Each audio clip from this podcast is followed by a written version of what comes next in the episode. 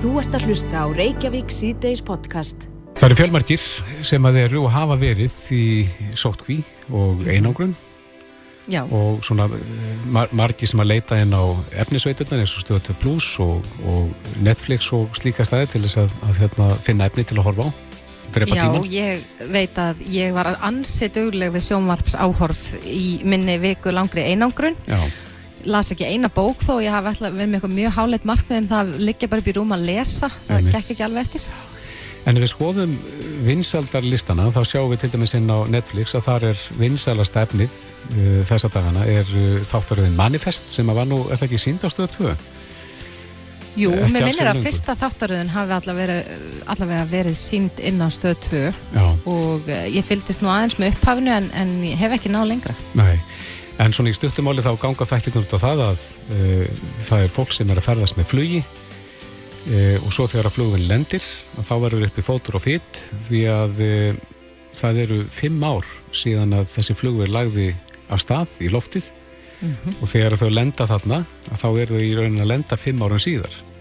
Akkurat. og þá hefst hinn duðlega fulla atbyrðars hvað varðum fólki þessi fimm ár en það má líka setja þetta í samengi við raunveruleikan hvað gerist þegar að fólk snýr aftur tilbaka eftir til dæmis fimm ár búið að vera horfið í fimm ár? Gísli Tryggvason, uh, lagmaður er á línu, kom til sæl Já, sælveriði. þú ert nú aðeins búin að vera grúska í þessu og uh, það, það er nú eitthvað sem að uh, lögin tiltaka hvernig á að taka á svona þegar að fólk kemur aftur eftir að hafa horfið Já, ég kíkti aðeins á þetta eftir að við tölum saman og, og það er eins og segir, þetta er velgerð og spennandi seria. Það sem reynir á nokkra hluti sem að reynir endar sjaldan á í daglugu lífi á Íslandi en, það er auðvitað alltaf til í dæminu að fólk hverfi og, og oftast er það nú þann, þannig að það kemur ekki aftur, það hverfur og finnst kannski bara aftur látið. Mm En það eru dæmið það að fólk hafi komið aftur og, og hefur látið sig þá hverfa af sjálfstáðum. Já, það er eitt dæmi sem ég veit um, það sem að maður hvarfi í 12 ár og á, á réttindi því tengt, reyndi í úrskurði málskóðsnefndar að lána sig á íslenska námsmanna fyrir, já, 17 árum eða svo. En uh, þá, þá var re- reyndi á, sem sagt, uh, hvort að ábyrð á lánum, námslánum hans væri enn gild og hún var ekki talin gild með aðstæður því máli en það hafði hann verið fyrstu horfin í 12 ár þegar hann kom aftur til landsins. Fylgir sögunni hvað varðum þennan mann? Hvað hann var í þessi 12 ár? Ég veit ekki til þess að það hafi verið upplýst en það reyndi ekki á það í þessu máli. Ég held bara að hann lifi sínu lífi og vilja ekki dræða um það en ég þekki það ekki en, en það vikst svo til að ég var í úrskurðarnefndinni, málskotnefndinni þegar á þetta reyndi en þessi úrskurður er byrstur þannig að það má segja frá þessu. En annars eru sem sagt, til lög og hafa lengi verið í gildi lög sem eru núna, númer 44 og 1981 sem heita lög um horfna menn Mm og Hvað það er tekið á því hvað gerist ef að menn hverfa og, og koma ekki aftur eða hverfa og, og koma aftur. Já, getur þú færið hans yfir það með okkur í stöttum máli? Já, þá bæði eh, hérna, eru ákvæðið þarna um hvað verður um hjúskap þeirra dæmis, og, og lífeyri og, og líftrýngar og arf Já, og varandi hjúskapin þá er það til þess þannig ef að fólk hefur gifst aftur makinn sem að eftir var þá gildir síðar í hjúskapurinn en ef að maki horfingsmanns hefur ekki gifst aftur þá stendur gamli hjúskapurinn Jáhá. Nú En á hvaða tímapunkti er, Mm. eh, bara á hvaða tímapunkti er farið með, eh, já, bú hans sem dánarbú? Er það Eh, þegar viðkomandi er það úrskurðaður látin? Já, það eru tvær leiðir til þess úrskurðu samkvæmt þessum lögum um hortna menn. Það er annars vegar svona einfaldari leið um að fara með e, bú manns eins og hans sé látin. Ef að eindregin gögn benda til þess að hans sé látin. Og svo er aðeins flóknari leið sem að eh, fjallar um það að það sé dæmt að maður, horfin maður skuli talin látin. hvað Og- þarf langur tíma að líða til þess? Það er, er almenna reglan er þrjú ár Mm frá því að síðast byrðist til hins horna en í tilviki e, skipskafa og, og, og, og, og flug loftfara eins og það er orðað þá er það fjóri mánuðir ef að tali er að skip hafi farist eða, eða flugvill hrapað eins og í þessum þætti sem við myndum. Já, einmitt. Þannig almenna reglan er þrjú ár en, en undatæningin fjögur ár ef að, aukna líkur er á vegna flugslýs eða Mhm. skipskaða. En hvað ef að það er búið að greiða út, segjum til dæmis bara líftrýtingu og viðkomandi snýr síðan aftur? Já, líftryggingin þá er sérstætt ákvæðum það að, að váttryggingafélagi geti endurheimt greitar fjárhæðir innan fimm ára. En ef að fimm ára er liðin þá er það ekki hægt nema, nema hinn hortnið sér sekur um eitthvað sviksamlegt aðhæfi og uh, síðan eru undateiningarreglur sem að gilda um dæmis lækka þessar kröfur ef þetta þykir ósangjant eða eftir í hvort að þetta hefði nýst fólki, þetta gildir svipa líka um lífeyri og framfæslu þeirri en, en, en þá hérna já og síðan er kannski stærsta reglana því ég er nú mikið í erðamálunum að það er um, um arf. Það gilda líka þessar fimm ára reglur um, um arf. Ef að maður hefur fengið arf sem ekki átt að fá hann þegar kemur í ljósa maðurinn er horfin, var horfin en ekki látin að þá gilda ákveðna reglur um endurheimt arfsins Akkurat. og, og líka með svona undateiningareglum eftir í hvort að þetta sé sviksamlegt eða eða hafi gerst fyrir óhatt eða eða, já Akkurat. Við erum auðvitað að tala um þetta í tengslu við þessa þáttaröð manifest sem hefur notið mikill að vinselda en uh, já, hver var kvatin að baki því, að baki þessari lagasetningu? Er það, ég við auðvitað vitum það að hafa fjölmargir menn farist á sjó til dæmi svo ekki fundist? Já, ég meina í, í löndum eins og Íslandi þar sem að skipskaðar voru mjög algengir þá er náttúrulega nöðsöld að hafa svona lögjöf þannig ég held að hún sé nú til í flestum ríkjum og þessi lög hafa verið mjög lengi í gildi ég held að það hafi verið önnur lög sem gilt á undan þessu og, það er kent, þetta er kent í lagabeldinni þó að þetta sé svona sjálfgerð þá þurfa að minna lagfræðingar að kunna skila þessu hvað hva verður ef að hérna, maður sem að horfin var kemur mm. aftur En það er eins og segir Gísli að þetta er ekki algengt en, en þetta þekkist samt og það eru til dæmi um, um þetta. En kæra þakki fyrir að fara aðeins yfir þetta með okkur. Gísli Tryggvason, uh, lagmaður. Takk sem leiðis. Þú ert að hlusta á Reykjavík C-Days podcast. Við höldum áfram hér í Reykjavík síðdeis og uh, þetta já, var ansi stór stund í dag þegar að, að margir hverjir byggði með öndina í hálsinum eftir að ríkistjórnafundi myndi ljúka. Mm -hmm. Það var búist við því að, að aðgerðir yrðu hertar sem að, að raungerðist svo þarna um hátæðspili í dag. Já. En aðgerðir verða hertar í kvöld á miðnætti mm -hmm. og uh, það var áhugavert að heyra að það er uh, mikill mönnunavandi sem er kannski ekki áhugavert út af fyrir sig en, en uh, mönnunavandin er það mikill að á landsbítalunum að Já, ríkistjórnin kynnti til leiks ymsa svona aðgerðir til þessa að aðstóða spítalan. Já, en þessar samkomu takmarkarnir eru vegna þess að það er mönnunavand og hefur verið á spítalanum. E, á línunni er Guðbjörg e, Pálsdóttir, formaður félags íslenskra hjókunarfræðinga, kom til sæl. Sæl og blessuð. Já, mönnunavandin, þetta er ekki, ekkert nýtt. Það er búið að vera mönnunavand á spítalanu núna í það minnsta allan þennan faraldur. Hvernig væri besta leiðin að fjölga hjókunarfræðingum? Sko það er náttúrulega búin að vera mönnunavandi hjúgrun, hjá hjókunarfræðingum náttúrulega til fjölda ára Já. og við erum búin að vekja aðtikli á því löngu fyrir þennan faraldur. Aftur á móti það sem búið er að vinna hérna síðustu fjögur og fimm ár eru meðal annars skýslur og upplýsingar bæði frá ríkisendurskoðun okkur og síðast heilbriðisraðanutinu núna 2022 skýslur um hvað er hægt að gera til að fjölga hjókunarfræðingum. Mm -hmm. Og hvað segja þessu skýslur?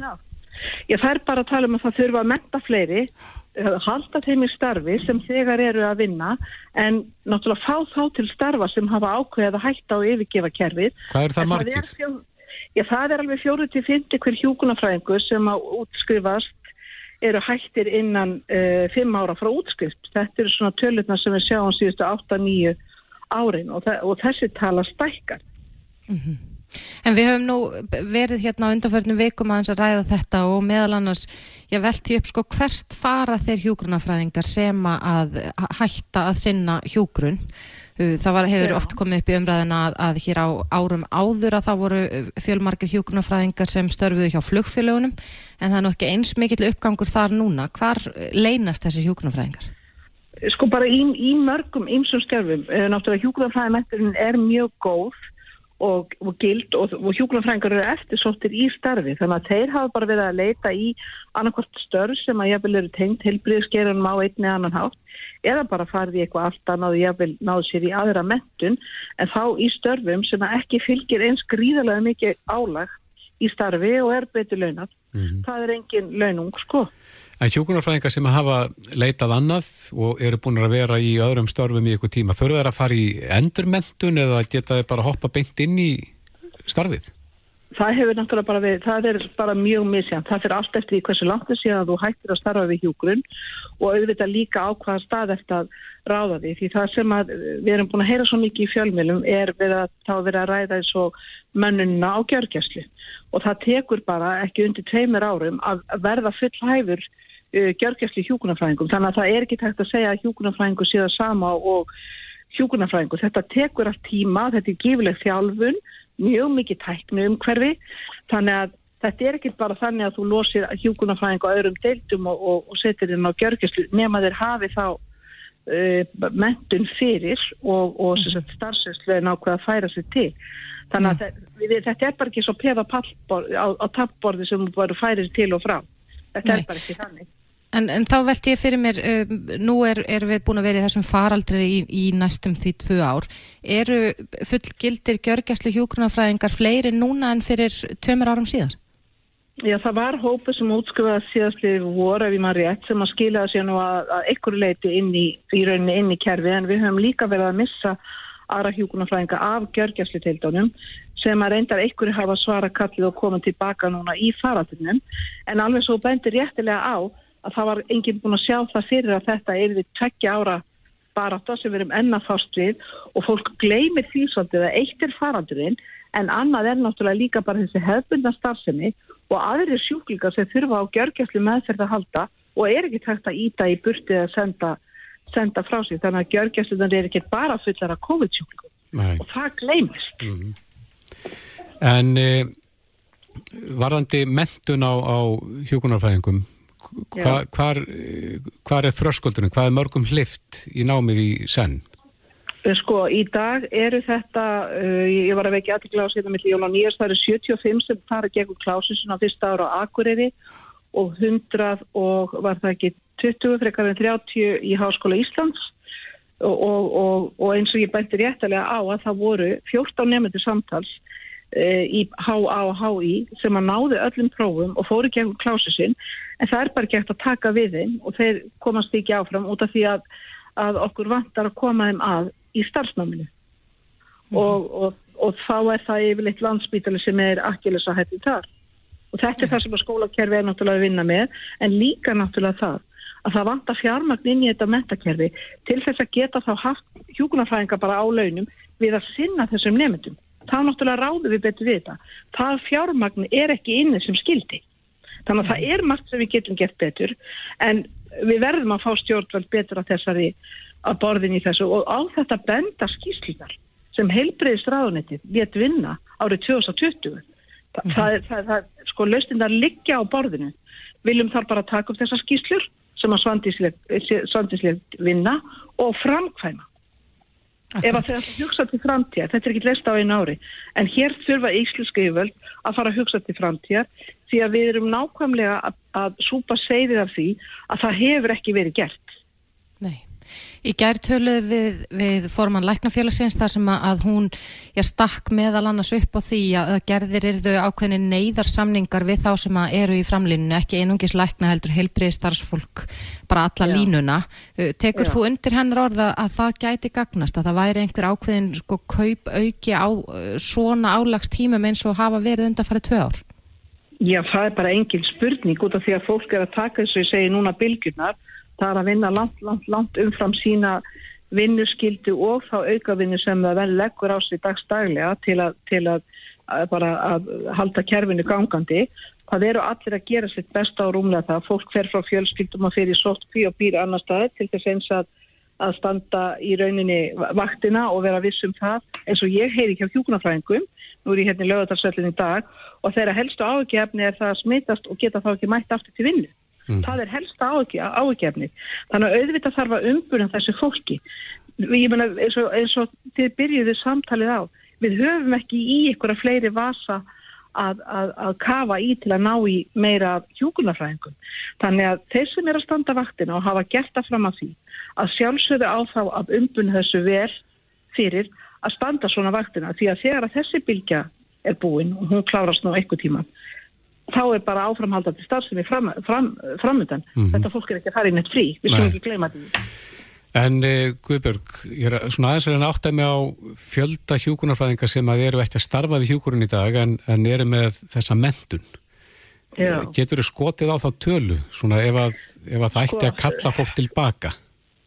Ég get, ég sko, ég get sko, við gerðum skýrsli árið 2017 þar sem við tókum þetta út og þá kom við ljósa að, að þetta voru þúsund hjúkurafræðingar sem ekki starfið við hjúkurum eða við þá sem hafa búið að leit, e, veita leiði en þegar við vorum búin að taka til í því og taka frá ljósmæður og ímislegt annað þá stóði eftir um 300. E, við erum ekki búin að vinna þessa skýrsli síðan en eins og einn alþyggismæður sagði að það við með það er náttúrulega ekki ykkar, það er yfirvalda að framlega þessar upplýsingar. Við sáum það glögglega hérna í fyrst og annari bylgi í bakverðarsveitinni að þá varu hátt í 300 hjókunarfræðingar sem að komi í gegnum bakverðarsveitinnar þá strax. En þá hluti af þeim voru vantarlega hjókunarfræðingar sem að voru kominir á aldur eða ekki? Það var bæði, bæði mm -hmm. þeir sem voru kominir á aldur, bæði, líka þeir sem voru að starfa við annað, þengur leiði frá sínum störfum það var mikið lemrað alltaf um flýi, það má ekki gleyma því að eitthvað af hjúkunarfræðingur sem er í flýinu hafa haldið treyð við sína heima deilt eins og við köllum á stundum og eru þar í hlutavinnu fyrir. Við sáum það núna þegar þessi bylgi var að fara á stað og aftur var endurvekkin bakvarasveitin að það var heildar fjöldi þegar heilbriði starfsmanna sem skráði sig þá í bakvarasveit var 150 á meðan í upphafi vorum við hátt í 300 bara hjúkunarfræðinga. Mm. En, Þannig að það er þreita komin í vanskapin. Akkurat. En í dag talaði helbriðisráð þeirra um uh, þessar aðgerði til að styrkja stöðu landsbítala og, og þar er svona sérstakur kaplið það sem er talaður um mönnun. Hefur kynntir þessar aðgerðir og, og telur að það er dögi til að halda spítalun hreinlega á floti? Sko, ég hef ekki náða að gera það í dag eftir að þau fundu því ég er bara búin að vera hérna í laugadalshöllinni í dag. En ég þarf náttúrulega bara að sjá hvaða útfæslir það eru og ég er náttúrulega vona þá því eins og þau segja að, að það verði tryggt fjármagn í þetta að þá bara vona ég það að það sé verulegt til þess að sína þetta í verki. Í rauninni hvers virði þetta heilbriðistarsfólk er. Og, það, og okkur er mjög týrætt um landsbítala en mér langar líka bara að vekja aðtikla á öðrum heilbriðistofnunum og í talanum ekki heilsugjæslu höfuborgsæðisist í þetta fólk er líka að vinna hérna fram á kvöld við að klára hér í höllinni og undirbúa næsta dag. Þannig að það eru, það eru allir sem eru einhvern veginn að breyta sínu, leggja ekstra mikið á sig, mm -hmm. kljúfa sig út úr daglegu lífi. Það má nefna, það eru, eru allar fagstíðir sem myndir láta bjóða sig þetta að, að, að stíga bara til hliðar út úr sínu enga lífi til þess að eins að geta mætti vinnu næsta morgun. Ég er ekki alveg vissum að það væri allir tilbúin til þess. Nei. En það það greinlega breytt upp erma til þess að uh, menta fleiri hjúkunarfræðinga og útskrifa fleiri. Það er... það er bara að fara eftir þessum langtíma tilögum sem eru löngu búið að leggja fram og þarf bara kjark og þvort til að fara í. Við verðum að hugsa fram á veginn og það tekur tíma og það tekur ár. Og það þarf bara að stíga núna fram og gera vel við þetta heilbriðstarfsfólk og hjúkunarfræðinga í að umbuna þeim. Eh, fólk áttar sig ekki á alvarleika málsins og, og hérna ég er mér fannst svo svakalegt að sjá í einhverju fréttameili núni dægin þar sem að einhverju leifir sér að kalla þetta grátkór. Sko ef við værum bara ekki búin trún, trúnaði og gagvart personvend þá, þá væri það mjög aðrilsvert fyrir hinn almenna borga að sjá hvað gengur á inn á þessum heilbríðstofnunum Akkurat Já, þetta er áhugavert og, og við vonum að þetta gangi sem best og að það verður hlustað á ykkar kall. Guðbjörg Pálsdóttir, formaður félags íslenskra hjókunarfræðinga. Kæra þakki fyrir þetta og goða helgi. Ég, ég bara vona Já. svo innilega að fólk er mjög upptikið að minnisblöðum og stjórnvöldum en það eru við, það eru við sjálf sem gerum þetta og horfa á hvernig við leifum okkur orðið að láta skima hér hundriði batna á dag til að fara í fleiri skimanir og þetta finnst okkur í lægi til þess eins að við getum haldið óskæftu einstaklingsfælsi fullorðna fólki sem er bólusett. Hversu lengi á að ganga á börn þessa þjóðfélags og bjóða þeim upp á skimanir og PCR-próf skipt eftir skipti sótkví og, og smitgátt. Ég held að við þurfum aðeins að átt okkur á því hérna að þau eiga náttúrulega líka e, sama rétt og við í þessu þjóðfélagi og við nú stoppum við bara og setjum tappan í flöskuna. Já, en Guðbjörg, ég var að lesa því fréttum á þann að það er búist við 900 börnum undir 8 ára í sínatöku á morgun, lögadag. Er, er betri lausna þessu? Er það spurningum að setja á enn harðari takmarkanir og, og stöðva skólahald til þess að... Já, það þarf náttúrulega alltaf að skoða eitthvað þetta með skólahaldi því eins og ég segi, við erum út í þjóðfélaginu undir eitthvað skona takmarkunum, tví og þrý bólusett, þau fari í skólan og ég gerir mér fulla grein fyrir því hvað það skiptir mjög miklu máli félagslega og sálfélagslega, gífurlega, en það, eins og ég segi, við, það er verið að bólusetja börnin, uh, þetta, það þarf að komast í, virkun, í virkni og það gengur bara misvel að halda þessu hólfaskipt og fleira, það eru þetta allir að gera sitt besta, en mér finnst einhvern veginn við þurfum að hugsa hér málið þegar eins og ég benda á í gera það eru 1200 börn sem voru skimið í fyrra dag. Mm -hmm. voru ekki 25% af þeir sem voru greintinni með smitt voru börn. En skiptir ekki líka máli fyrir helbiðið stafsfólk að, að koma börnunum sínum í skóla og leikskóla til þess að geta jú, mætti vinnu? Jú, gekk það ekki bara alveg ágætlega hjá okkur þegar, hérna í fyrst og annari bylgi þegar að takmarkarna voru miklar. Þá bara voru bæði, hérna, bæði kennarar og, og sagt, grunnskólakennarar og leikskólakennarir eru líka framlýnisveitir, ég vil bara endilega vekja aðtilla því og þau stóðu sér mjög vel í að taka á móti þessum börnum. Og þetta einhvern veginn gekk. Þetta er ekki margar vikur vonandi eftir, við bara vonum það. En við þurfum einhvern veginn að hugsa þetta eh, betur. En ég held að það gerist best með því að við sjálf lítum í eigin barn og draugum saman, svo umvinnar. Þetta eru góð lokaord. Guðbjörg Pálsdóttir, formadur félags íslenskra hjókunarfræðinga. Kæra þakkir og góða helgi. Takk að þið fyrir. Takk, takk. Þetta er Reykjavík C-Days podcast. Já, já, við höldum áfram hér í Reykjavík síðdeis og já, það oft, berast oft frettir af því að við erum alltaf að slá fleiri og fleiri met þegar kemur að þessum faraldri. Mm -hmm. En uh, nú hafa sínatökur náð nýjum hæðum sangant frett sem ég rakst hérna á einn á vísipunkturis í dag. Já. Og þar kemur fram að helsugæslan sé hreinlega komin yfir þólmörk þegar kemur að sínatöku vegna kórnuverunar. Mm -hmm. Og það er búist við miklu álægi á morgun til dæmis þegar að yfir 900 börn nega mæta í sínatöku. Uh, og þá erum við að tala um sko börn 8 ára og yngri. Já, og það þarf að beita fortölum. Ég fór nú í, í hérna PCR-prófum daginn og, og það var eh, sem sagt barn sem var, tók langan tíma sannfærum að setja pinnan inn vegna þess að þau eru sömkver brend af þessum sínatökum. Já.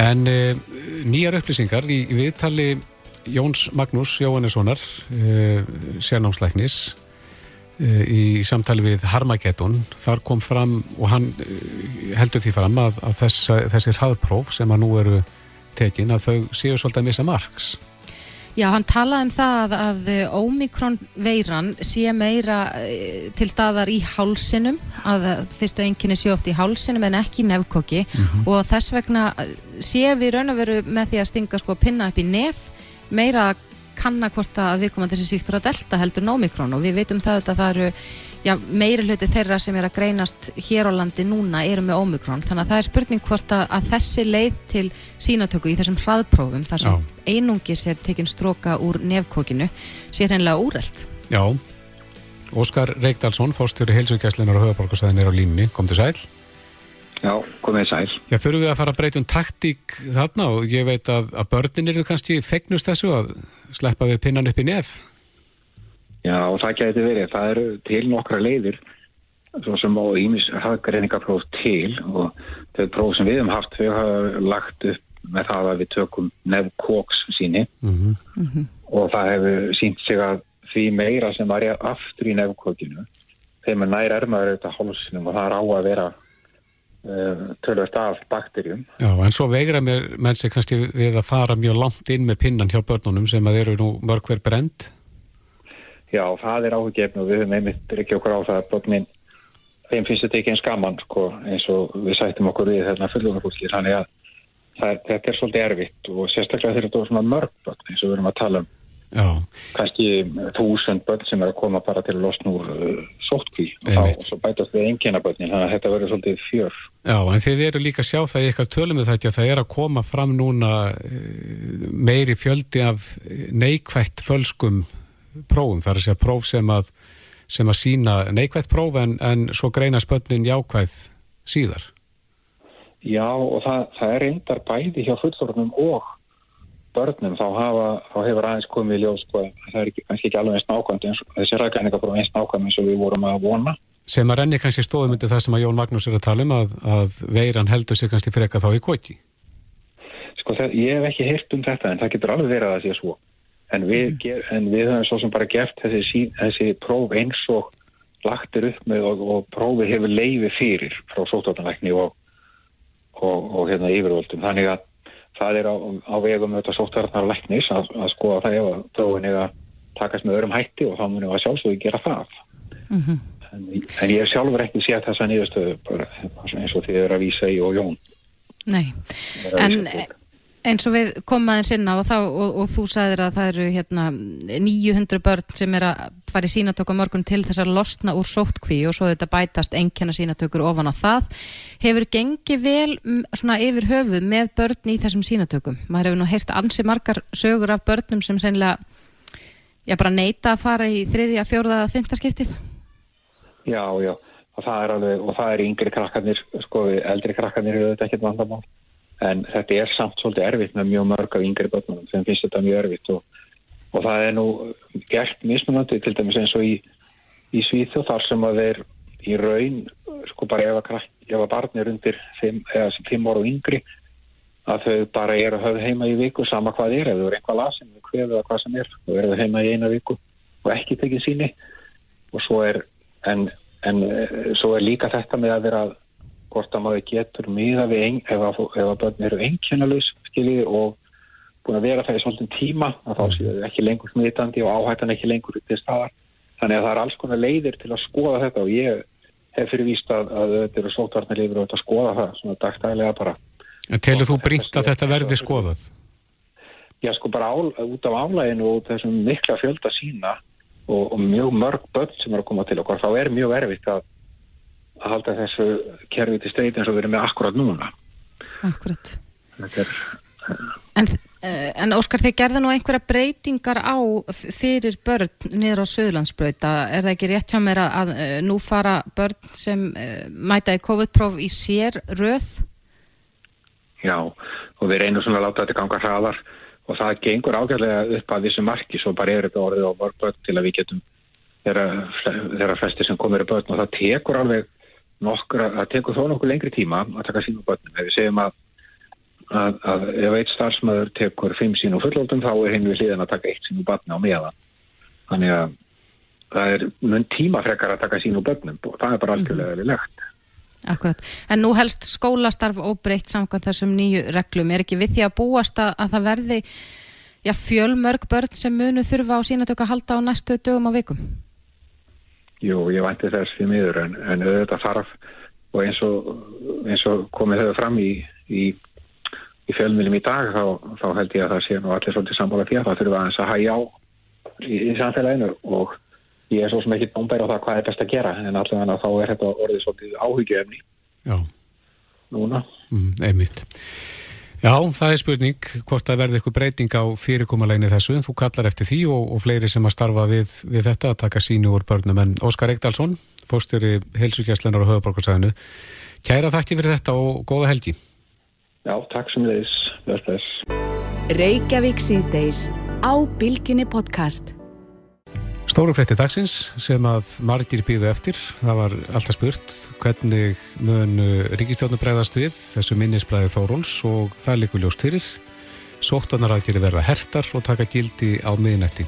Og heilbyrðis á þeirra segir að sóttarnarlæknir hafi lagt fram þrjárleiðir, óbreytar aðgerðir, færa samkominntakmarknir úr 20 manns í 10 eða lókun á samfélaginu í 10 daga og ríkistjórnum hafi valið leið 2. Það segir að þessin á vísir.is.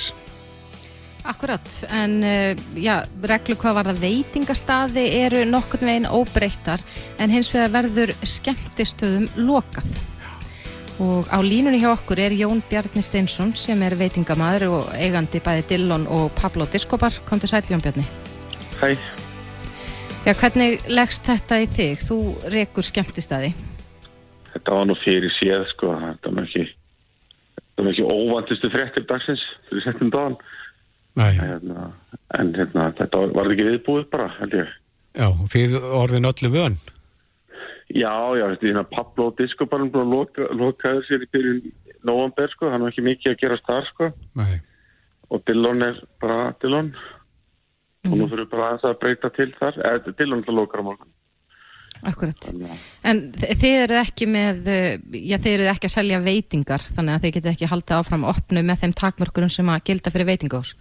Jú, það er enda skemmtilegt að segja frá því að þarna kallarinn á Dillon er veitingastæður sko. þannig að hann verður opið á morgun Jáhá. þannig að það verður sett opið í kallarinn á Dillon en ekki á hæð 2 og 3 Er það opnuði veitingastöðu til þess að mæta þessum sóttanar aðgjörn? Nei, nei, nei, nei, nei, bara kallarinn á Dillon er kaffús og veitingastæður þannig að hann verður áfram opið hann heitir, heitir enda öðru nafni en, hérna, en já, kallarinn á Dillon er opið mm -hmm. en miðhæðin og eftirhæðin eru lokaðar frá með délum Akkurat, en eh, já eins og þú segir það var svo sem við þessu að búast það lág í loftinu að sótvarnar aðgerðir yrðu hertar, en í leiðinni var það var tilkynnt í dag að já, lókunarstyrkir myndu þá uh, koma aftur og að, að það erði einhvern veginn komið til móts við ykkur. Dögði það á sínum tíma til þess að halda ykkur gangandi?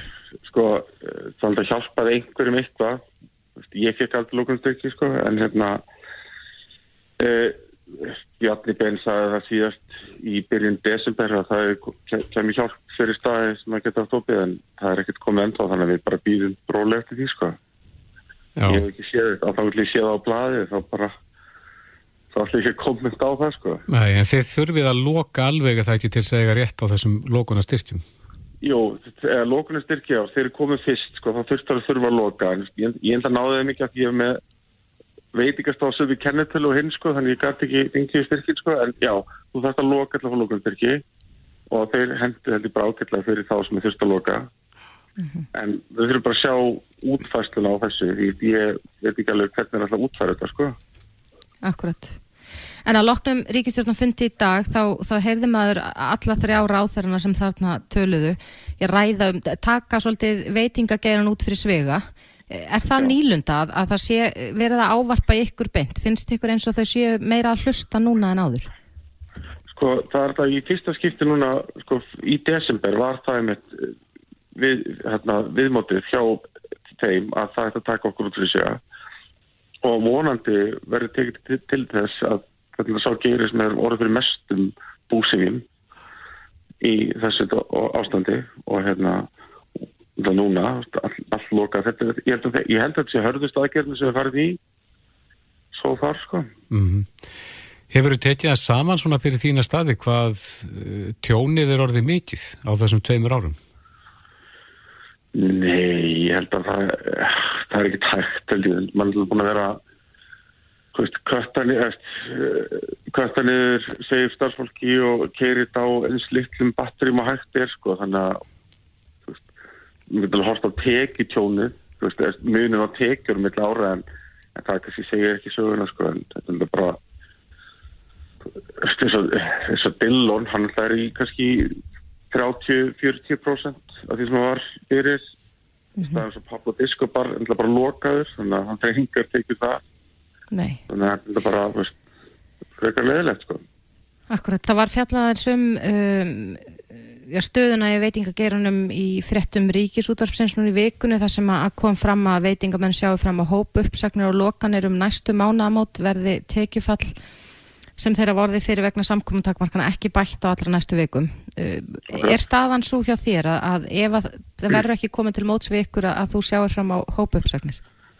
Sko ég er ekki með veitingastaf þannig að ég er alltaf lungu búin að segja upp allir mínir stafsvöki sko.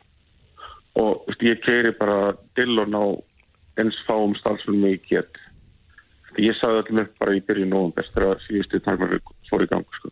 mm -hmm. að ég er veitingastaf vantanlega þegar nú voru það inn í vestu mánuð ársins og auðvitað munum menn segja fólki upp því að þeir geta ekki borga laun og það er einhvern aðgjörst eins og, og stæðinu núna fyrir árið síðan þá voru hlun í gangi þú gæst sótt um hlut, hluthalslaun og alls konar styrki til þess að halda fólki vinnu en það er alltaf einhver búið og þess það kláraðast bara núna í fyrra Mhm. þannig að þeir sem eru í rekstu núna vita ekkert hvað að hver geta gengið í aðstof sko. Nei. og þetta er það sem að menn verða kallist núna bara til verða að svara segja bara, ef við þurfum að reka alla og hætta þá bara segja okkur það en ekki segja ekki neitt Mhm. En þú ert eh, með þessa tvo staði Dillon og Pablo Discapar og þú ert, ertu nýbúin að opna annan í Garðabænum? Nei, hérna, ég ætla að opna hún í lók mánar en ég er bara að fresta því aðeins Já, út, út á sóllin? þetta er ekki, kettur eftir tíminn að opna nýjan stað en Nei. En þú ert búin að vera með það í vinslu núna að opna nýjan stað og hefur vantar þá gert ráð fyrir því að við værum svona að sigla út úr þessu á þessu tímabili. Já, ég er svona ég, ég, ég hérna, opnaði einn við opnaðum eitt stað í, í sömar og heldum þetta voru búið og byrjuðum svo að opna annan og allum að vorum vissuð að þetta er búið í januar þannig að við hljóðum bara fíbl ársins 2021 Ja, svona, Við tökum nú kannski ekki svo hart til orða. Nei, nei, þetta er þetta. Þetta, ég, ég, ég, hérna, ég, er, ég, ég er jákvæður fyrir skilabóru sem fengum frá stjórnum í dag. Já, Sýndist á því sem við sögðu, bara hefði, við, við gerum okkur grein frá vandamálinu, við ætlum að laga þetta og ég er bara jákvæður fyrir því. Akkurat. Og- En hvað er núna komið langt síðan að þið gáttu bara starfa eðla? Er að vera tvö ár síðan? Byrjaði þetta ekki bara frekar fljótt eftir að COVID hófst hér á landi að, að þið þurftu að loka eða takmarka eitthvað starfsemi? Þetta er mars 2020, síðan síðasti mánuður þar sem við vorum með eðla starfsmi. já, þetta eru tæp tvö ár. Já, sem tvekjar ámæli núna í mars. Emitt, þegar við skulum vona það að þessar aðgerði núna e, virki vel og e, við getum farið að svona gýra okkur aftur í átt til eðlilegs lífs. Annars er bara panta fluti tenni. Já, já, já, menn hafa gert á hvort þið er.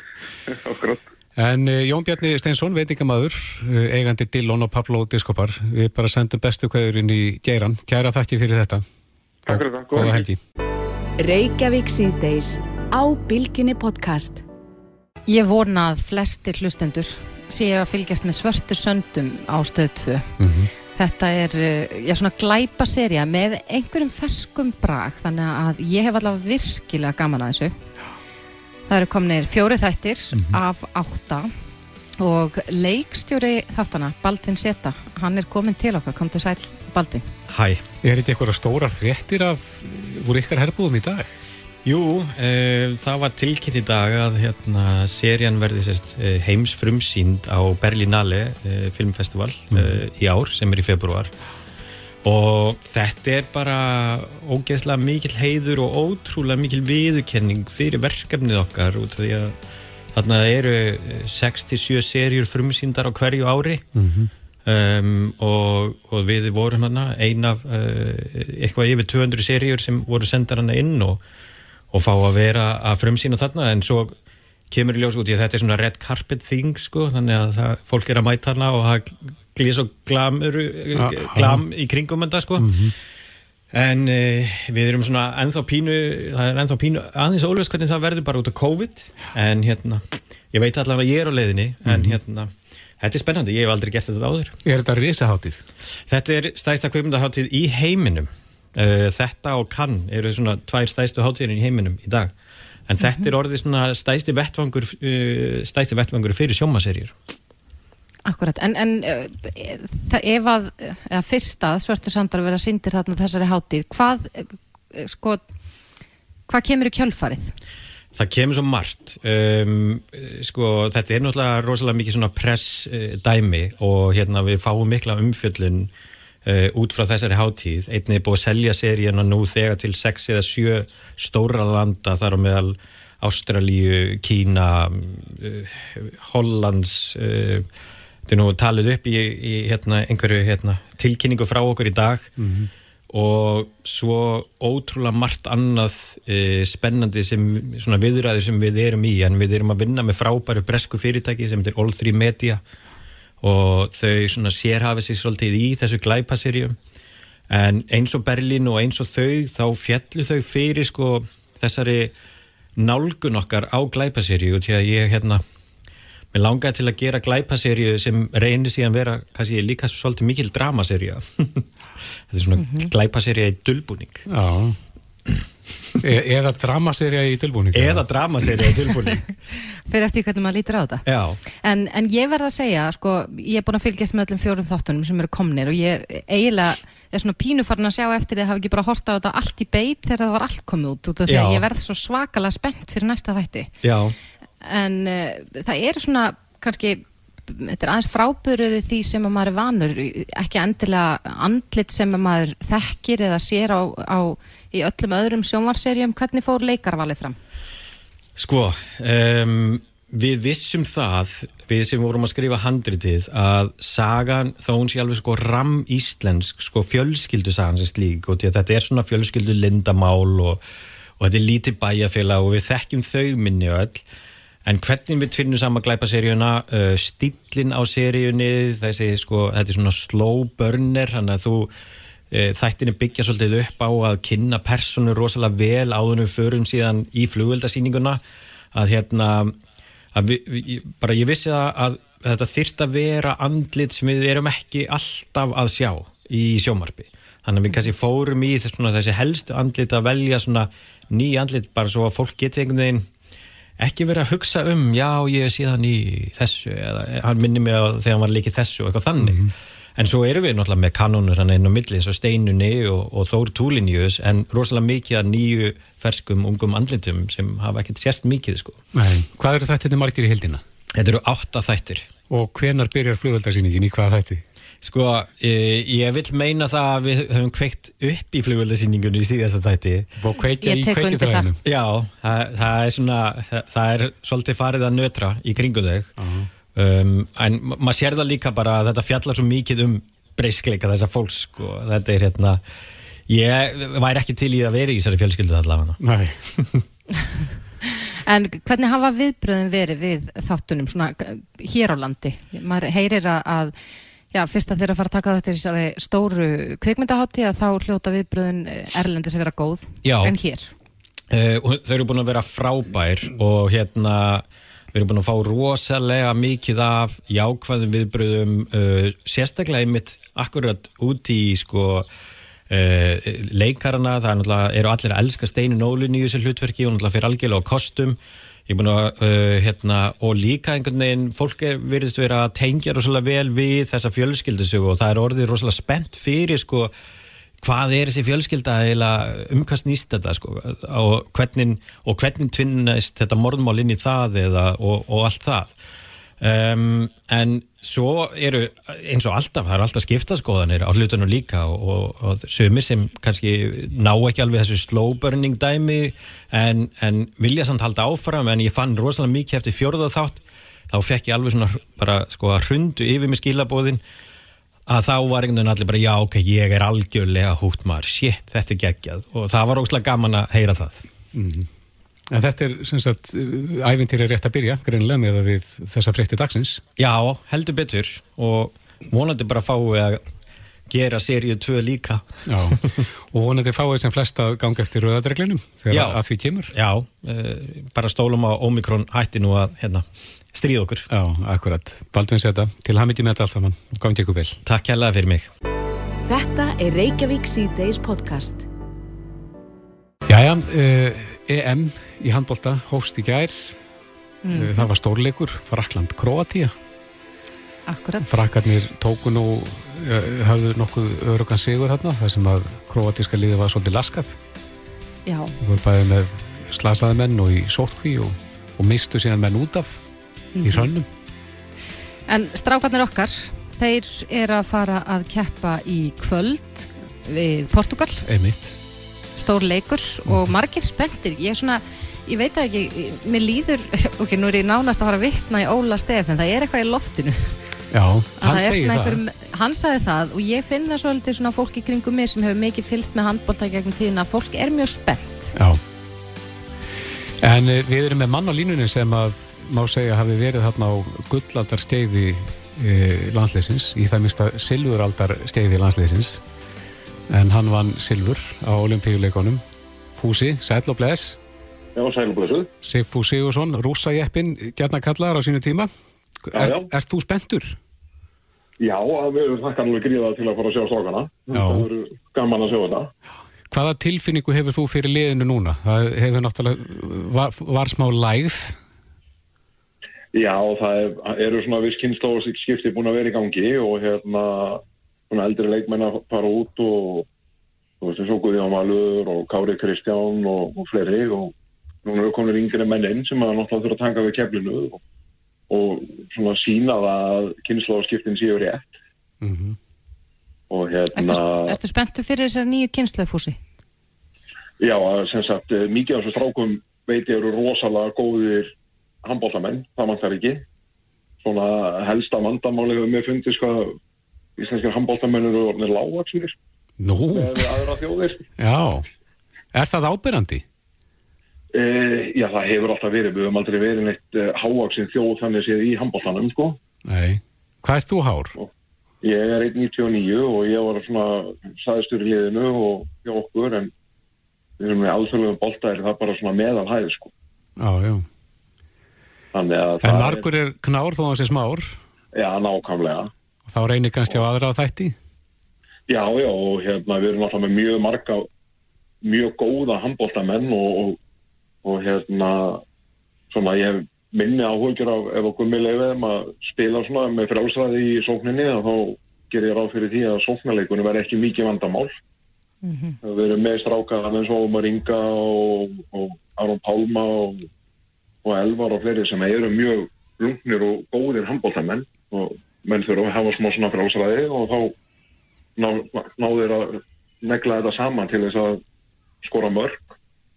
Uh, aðal áhugjefni hefur, hefur mér fundist vera núna kannski varnarleikurinn. Það er svona missi hluti sem að vantar og þá vil ég meina að það vantir svona varnarlega hvert lið hefur fyrir sig er alltaf með tvo, þrjá, kannski fjóra menn sem að geta stjórna vörninni vel og skipulagt hana og fengi þá sókna liði til að gera það sem að þeir vilja að sóknin á að gera sko.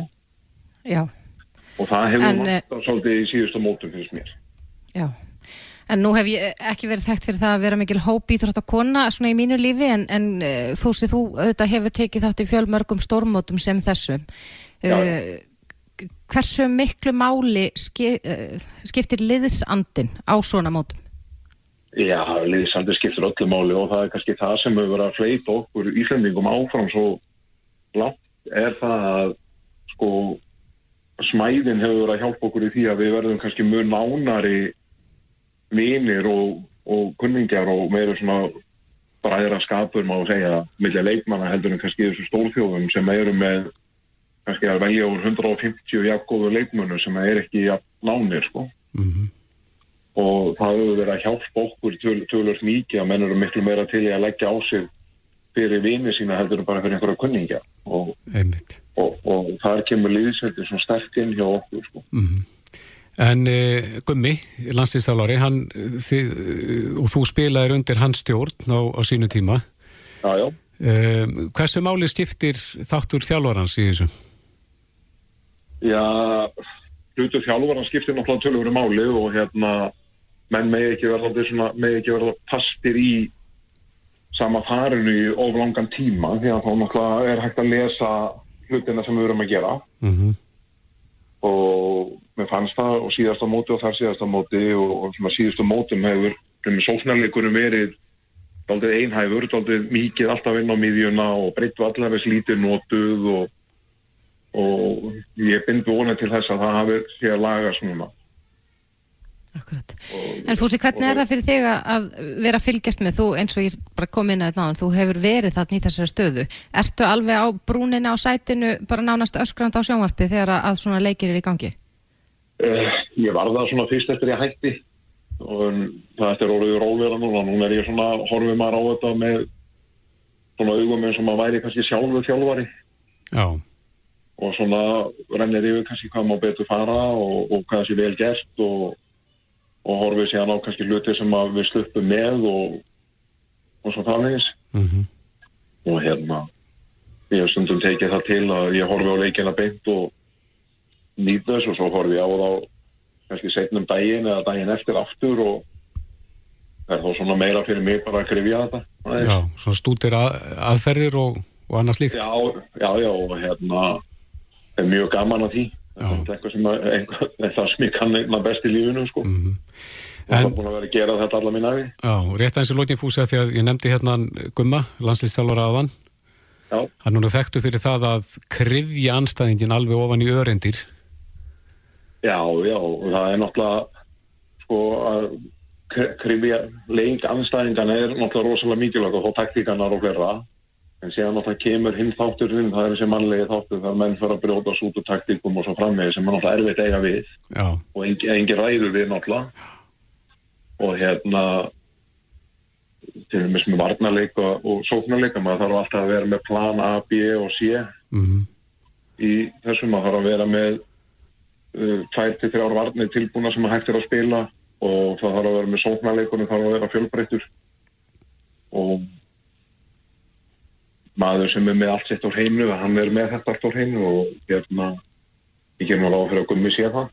Já, hvað endur við á þessu móti, viltu spá? Nei, ég, ég er svo lélugur á spá sko.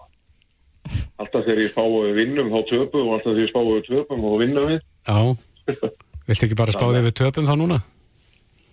og svona fyrirfram fyrir leikina í gæðir þá þá held ég að leikurinn úsæðið svona úsluðarleikur fyrir okkur veirða á móti Ungarlandi. Já. en síðan töpuð þeir fyrir hollendingunum í gæð þannig að núna er þetta allt komið upplöð sko. Þannig að það vilja stjara náttúrulega allir ekki dönnið alla á þessum tímum í dag.